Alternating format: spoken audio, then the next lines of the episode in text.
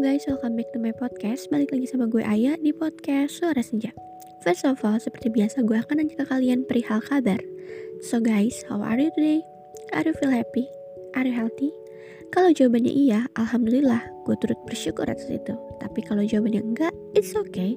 Everything is gonna be fine. Semoga yang tidak sehat segera sehat, semoga yang tidak baik-baik saja segera membaik dan ketika lo memiliki hari yang buruk hari ini, bukan berarti lo akan memiliki hari-hari buruk selanjutnya. Yang penting lo terus mengusahakan yang terbaik dan selalu melakukan yang terbaik juga. Dan yang pasti lo harus tetap yakin dan semangat. Di podcast kali ini sesuai judulnya itu sudah di tahap ikhlas. Gue mau ngebahas tentang orang-orang yang mungkin sudah ada di tahap itu. Termasuk gue pribadi. Kayak pernah gak sih lo ngerasa lo tuh sebenarnya udah move on, lu udah ngelupain semuanya tapi lu masih takut untuk mulai hubungan baru. Lu masih gak berani untuk deket lagi sama orang. Sebenarnya fase itu tuh adalah fase belum ikhlas. Sebenarnya lu sudah lupa kalau ditanya lu sudah lupa atau belum lu jawabannya sudah lupa. Cuman lu masih memendam sesuatu di hati lu yang bikin lu tuh takut. Takut untuk mulai lagi lu tuh takut untuk coba lagi gitu. Karena di pikiran lu tuh kayak gini gue pernah dilukain sama orang yang dulunya gue pikir tulus. Jadi gue rasa semua orang tulus yang datang ke gue ujungnya bakalan sama kayak dia. Hal itulah yang tidak akan pernah membuat lu berhasil dalam menjalani hubungan lu selanjutnya. Kayak pikiran-pikiran kayak gitu tuh bakalan ngehantuin lu. Lu gak akan pernah ngerasa bahagia lu gak akan pernah ngerasa cukup atas apa pun itu. Lu akan selalu merasa kurang lu akan merasa sedih juga. That's why sebelum lu memulai hubungan ada baiknya lu ikhlas sama apa yang sudah terjadi. Move on itu perlu, tapi yang lebih perlu adalah ikhlas. Kayak gue pernah bilang sih sebelumnya, ikhlas itu bohong yang ada cuma terbiasa, oke. Okay. Itu juga benar. Tapi di sini poinnya adalah lu harus memang sudah melupakan luka itu, lu sudah melepaskan luka itu, lu sudah tidak mau berurusan dengan luka itu dan lu ngerasa ya udah, yang udah tuh udah aja. Ya even dia pernah menyakiti lu dengan sebegitu parahnya dia pernah melakukan kejahatan buat lu gitu. Tapi lu tetap nganggap ya udah mau gimana lagi? Gue juga nggak bisa ngapa-ngapain kan kayak gitu. Dan di fase itulah nantinya lu akan mendapatkan atau menemukan seseorang yang menurut lu ngeras yang menurut lu tuh bikin lu ngerasa kayak ini yang gue tunggu-tunggu loh.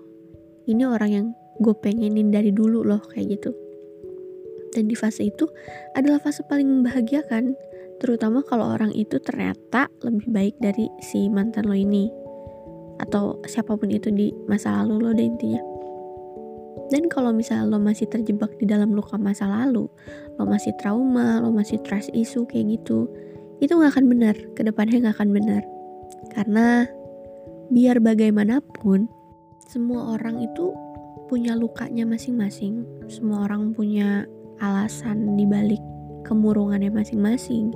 Semua orang punya traumanya sendiri, semua orang punya trust isunya sendiri. Jadi kalau lo cuman pengen dimengerti sama orang atas apa yang lo rasain sekarang, lo cuman pengen dapat attention mereka, ya lo gak akan pernah ngerasa cukup cukup sama apa pun itu, baik manusia ataupun apa pun yang mereka lakuin gitu. Jadi lo akan terus mencari hal-hal yang hilang, hal-hal yang kosong, yang padahal lu sendiri tahu kalau hal itu tuh gak akan pernah ada dan gak akan ada. Kayak semua orang yang datang ke hidup lu itu tuh gak selamanya untuk nyakitin lu. Gak semuanya uh, laki-laki atau perempuan yang coba untuk masuk ke hati lu berusaha untuk merusaknya. Jadi stop berpikiran bahwa semua orang datang hanya karena mereka ingin menambah luka yang sama. Kalaupun seandainya lu terluka lagi setelah lu membuka hati gitu ya, ya itu kan proses. Kita nggak akan pernah namanya dapetin sesuatu hal atau gini deh uh, peribaratannya. Kita nggak akan pernah bisa sampai ke puncak gunung sebelum kita ngerasain terjalnya trek pendakian dulu kan. Kayak gue, gue bukan seorang pendaki sih, tapi yang gue tahu yang namanya mau sampai ke puncak gunung tuh kita harus ngelewatin jalan-jalan yang terjal. Kita harus ngelewatin banyak rintangan dulu yang bahkan kita juga nggak pernah tahu kan di dalam gunung itu ada apa ada hewan buas kah atau apa pun itu. Kita harus berani menghadapi semuanya kan. Sampai akhirnya sampailah di puncaknya. Di puncak gunung gimana kita bisa melihat pemandangan yang luar biasa indahnya terus ngeliat langit yang luar biasa indahnya juga cantik banget gitu kan. Ya kayak semuanya terbayarkan kan. Ibaratnya capek naik gunungnya kesusahannya itu terbayarkan dengan pemandangan yang kita dapat di puncak nanti. That's why itu yang gue maksudkan. Kalau lu nggak mau ngalamin yang namanya kecewa patah hati sakit hati trauma trust isu atau apa pun itu lu nggak akan pernah ngerasain kebahagiaan yang sesungguhnya lu nggak akan pernah ngerasain gimana rasanya bersyukur atas apa yang sudah lu dapatkan sekarang karena gini Orang yang sudah pernah patah sebelumnya, orang yang sudah pernah hancur sebelumnya, ketika dia bahagia, dia akan terus merasa bersyukur sama Tuhan. Dia akan menjelaskan bahwa dia tuh sebahagia itu karena sudah mendapatkan hal ini. Dan pada akhirnya, kebahagiaan yang didapatkan juga didasari dengan rasa syukur itu akan bertahan lebih lama. Ya karena kita mau ngejaganya dengan baik gitu. Kayak kita udah bersyukur nih dapetin kebahagiaan itu atau kita juga sudah bersyukur mendapatkan orang itu. Pada kenyataannya kita akan berusaha untuk menjaga kebahagiaan dan orang itu secara bersamaan. Kita akan berusaha untuk ngejaga mereka dengan baik, berusaha untuk nggak melakukan kesalahan yang sama seperti apa yang kita lakuin sebelumnya kayak gitu. Dan luka, trust isu, trauma itu sebenarnya bisa jadi pembelajaran. Bagus untuk jadi shield, biar kita akhirnya nggak kecewa lagi. Tapi bukan berarti itu bisa menguasai pikiran kita sendiri kayak gue benci banget sama orang-orang yang belum selesai sama masa lalunya belum selesai sama trust isu traumanya itu tapi coba untuk mulai hubungan gue juga seperti itu kemarin-kemarin ya makanya mungkin gue ngerasa gue gagal terus kayak kok semenjak putus nih gue nggak pernah dapetin cowok yang bener kok semenjak putus gue dapetinnya cowok yang aneh-aneh terus kayak gitu. Atau mungkin gue yang aneh kali ya dan ternyata kesimpulannya memang gue yang aneh. Gue selalu menjauhi orang-orang dengan cara-cara gue sendiri. Gue selalu menjauhi mereka karena ya gue pikir mereka datang cuma karena penasaran doang gitu. Mereka nggak sepenuhnya punya perasaan sama gue gitu. Dan ketika mereka tahu kekurangan gue nantinya mereka akan pergi juga. Gue selalu berpikir seperti itu sampai akhirnya ada tahap di mana gue mikir kalau misalnya gue terus-terusan kayak gini kayaknya gue bakal gagal terus deh That's why akhirnya gue coba perlahan untuk mulai berdamai sama diri gue sendiri, berdamai sama diri gue di masa lalu. Dan say thanks tentunya karena gue sudah bertahan di masa itu sampai menciptakan gue yang sekarang. Gue sangat-sangat mengapresiasi perjuangan gue sampai di sini. Ya even tau yang kalian lihat mungkin kayak cuman perjuangan orang yang tadinya sad girl, orang yang tadinya takut untuk berbaur sama orang lain itu pada akhirnya jadi terbuka jadi open minded juga. Dan orang yang tadinya mungkin lo lihat sebagai orang yang ansos orang yang penakut mungkin ya sama manusia itu sekarang jadi social butterfly sering banget main ke sana sini temenan sama sana sini gitu. Dan gak pernah takut untuk nge-expose dirinya lagi kayak gitu. Ya mungkin yang kalian lihat cuma hal-hal kayak gitu aja. Padahal sebenarnya ada hal yang lebih sederhana mungkin tapi itu dampaknya besar dari gue ada hal di mana gue sudah mulai menerima apa yang ada di diri gue bahkan gue sudah mencintai kekurangan-kekurangan gue juga kayak apa pun yang terjadi di masa lalu tuh sudah gue terima dengan baik. Kayak cacatnya lukanya gitu. Ya udah gak apa-apa. Setidaknya gue sudah pernah melewati masa itu gue sudah menjadi orang yang baik-baik saja sekarang gitu. Dan gue seneng ada di fase itu. Mungkin kayak perubahan kayak gitu sederhana untuk orang-orang yang memang bahagia dari awal ya. Cuman nggak untuk orang yang pernah ngerasain sakitnya sendiri kayak gitu gue pribadi nggak akan pernah mau memulai hubungan. Gue gue nggak akan pernah mau ngelakuin itu sebelum gue benar-benar sembuh. Dan alhamdulillahnya um, mungkin karena ada bantuan orang lain kali ya yang bukan temen bukan keluarga tapi ya mungkin ada sosok orang yang ya kehadirannya ini bikin gue ngerasa gue nggak boleh nih menuhankan trauma gue lagi. Gue nggak boleh nih menuhankan trust isu gue lagi. Gue nggak mau nih orang ini ngerasain capek ngadepin semua hal-hal random yang ada di pikiran gue terkait trauma dan trust isunya gue itu.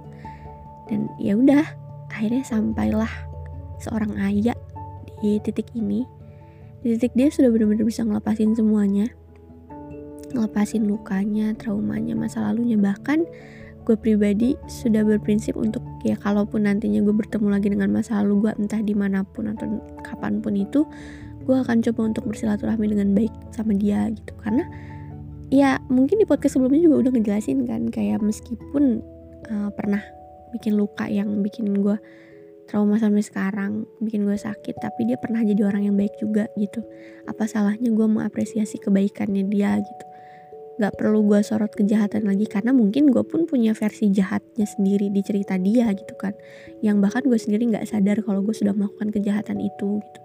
Jadi apa salahnya gue mau introspeksi diri sendiri memaafkan kesalahan kesalahannya dan ya udah ngejalanin hidup kayak biasa aja gitu.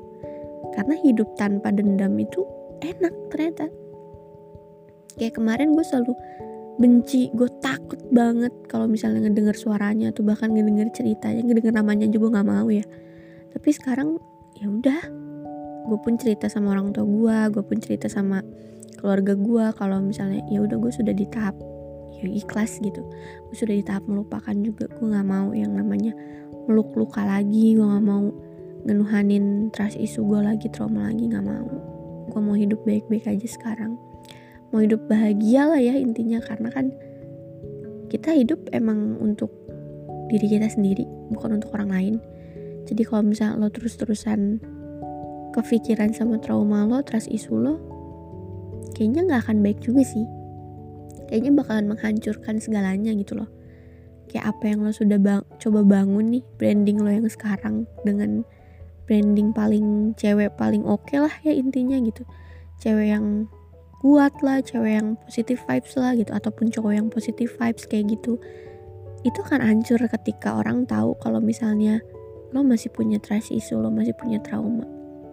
Sembuhin dulu diri lo sendiri sembuhin dulu lo sendiri. Dan barulah mulai untuk coba memulai hubungan baru dengan orang lain kayak gitu. Kayak di podcast sebelumnya juga sih ini sepertinya lanjutannya kali ya. Karena masih berkaitan gitu dan percaya deh sama gue kalau misalnya lu sudah di tahap yang ikhlas sudah di tahap melupakan meng mengikhlaskan gitu kan lu tuh nggak akan pernah ngerasain hal-hal yang negatif menguasai pikiran lu lagi. Lu nggak akan mungkin ngerasain overthinking lagi I think. Lu bakalan ngerasain yang namanya happy yang bener-bener happy banget gitu. Sampai lu mikir ini harusnya gue dapetin dari awal gak sih? Kayak gitu. Tapi kayak gini sorry pilek. Kalau misalnya uh, ada orang datang ke kehidupan lu sekarang nih dia datang dengan segala uh, hal hal manis hal indah tentunya yang bikin lo tuh mikir ini kenapa gue nggak dapetin lu dari awal sih? Ini kenapa gue nggak nemuin lu dari awal? Kenapa gue harus jatuh dulu baru sampai akhirnya ngedapetin lu? Gitu. Kalau dia emang orang yang baik dia akan datang paling akhir. Kenapa dia datang paling akhir karena Tuhan nyiapin dia untuk nyembuhin lu.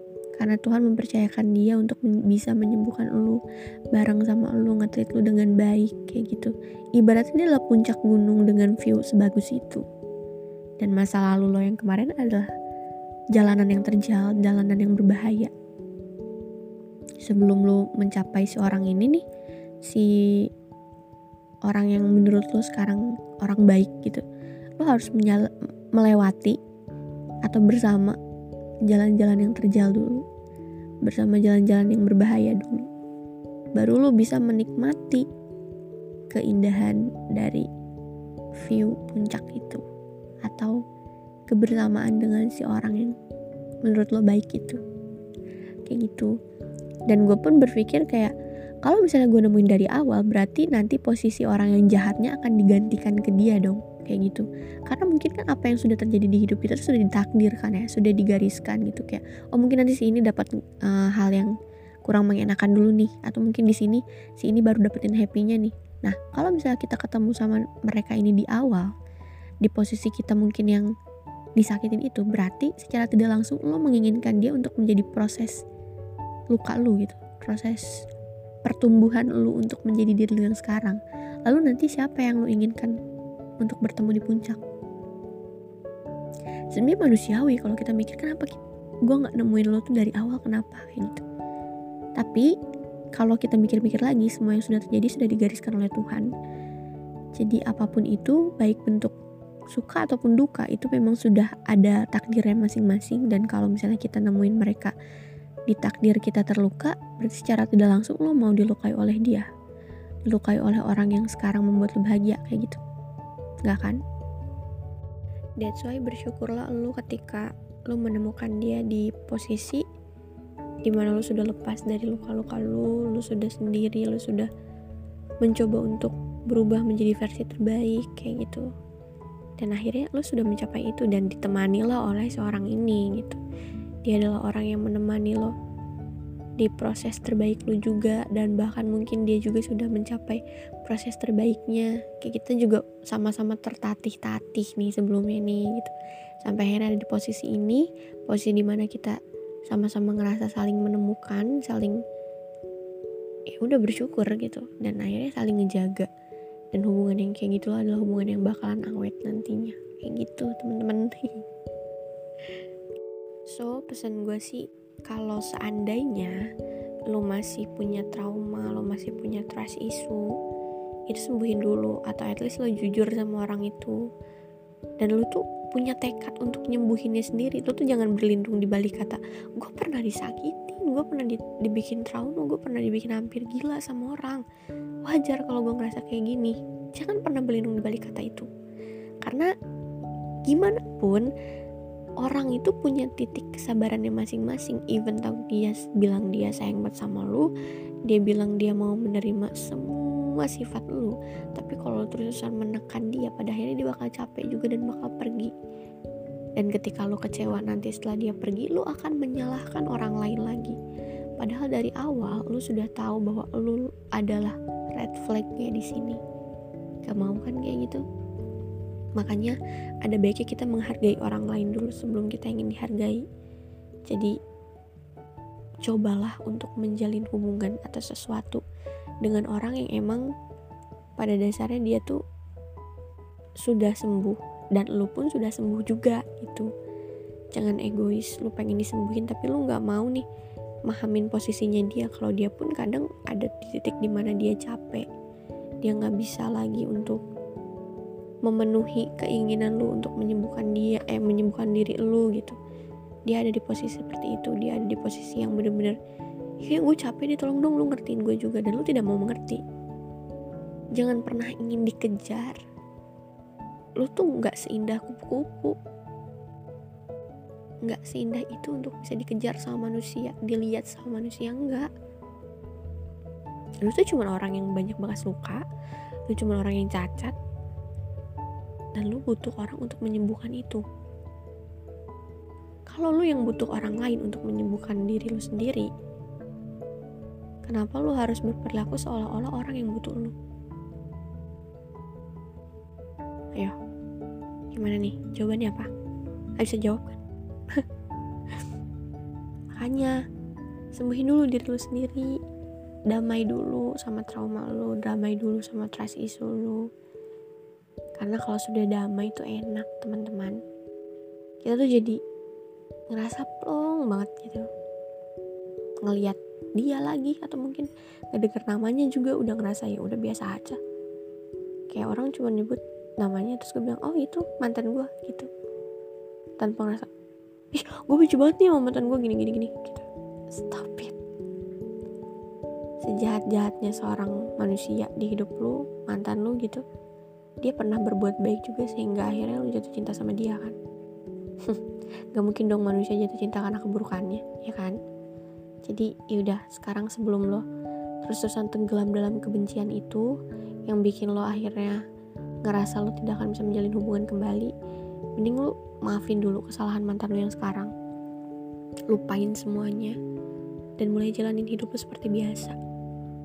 Hal itu akan lebih baik dan ketika lo memulai hubungan lagi pun lu akan ngerasa ya udah ini hubungan yang sehat-sehat aja kayak gitu. Dan pada akhirnya kalian akan sama-sama bersyukur karena saling memiliki dan saling menemukan. Gitu guys simpelnya. Sampai sini paham kan ya? Maaf banget mungkin kayak tadi ke distract apa pun itu entah atas suara bising atau suara apa pun itu karena ya gue record seadanya ya terus juga omongan gue mungkin ada yang belibet-libet atau balik lagi balik lagi kayak gitu. Kondisi gue berbangun tidur. Nyawa gue masih belum kumpul jadi mohon maaf atas itu. Dan terima kasih kalau sudah mau mengerti ya teman-teman. Oh ya buat lo yang pengen curhat itu boleh banget DM ke Instagram gue @ayfda curhat apa pun itu curhat masalah yang sensitif sekalipun boleh tapi kalau emang lo ngerasa malu lo bisa eh ngerasa takut bisa nge-DM gue pakai akun fake lo nggak perlu sebutin identitasnya juga. Dan mungkin kalau misal lo berkenan nantinya cerita lo ini akan dijadikan podcast sama gue gitu. Karena podcast-podcast sebelumnya juga banyak yang terinspirasi dari kisah orang lain. Jadi ini bukan suara senja tuh bukan tentang gue doang tapi tentang orang-orang di sekitar gue juga yang akhirnya kisahnya mereka ini gue angkat sebagai podcast gitu. Karena kan gue nggak mungkin ngalamin semuanya sendirian nih. Pasti ada orang yang ngalamin juga. Jadi gue ngambil sudut pandang dari orang lain juga kayak gitu. Jadi kalau emang lo punya cerita lo pengen uh, sharing-sharing gitu boleh langsung ke DM Instagram gue aja. Dan jangan lupa share podcast ini ke teman-teman kalian ke pacar atau gebetan atau keluarga atau apa pun itu biar mereka denger juga siapa tahu kan ngerasa relate terus termotivasi ya meskipun gue bukan seorang motivator gitu kan. Dan kalau misalnya emang lo mau share ke Instagram jangan lupa tag ke Instagram gue @ayfda juga. Gue pasti bakal seneng banget sih kalau dapet notifikasi di tag soal podcast ini.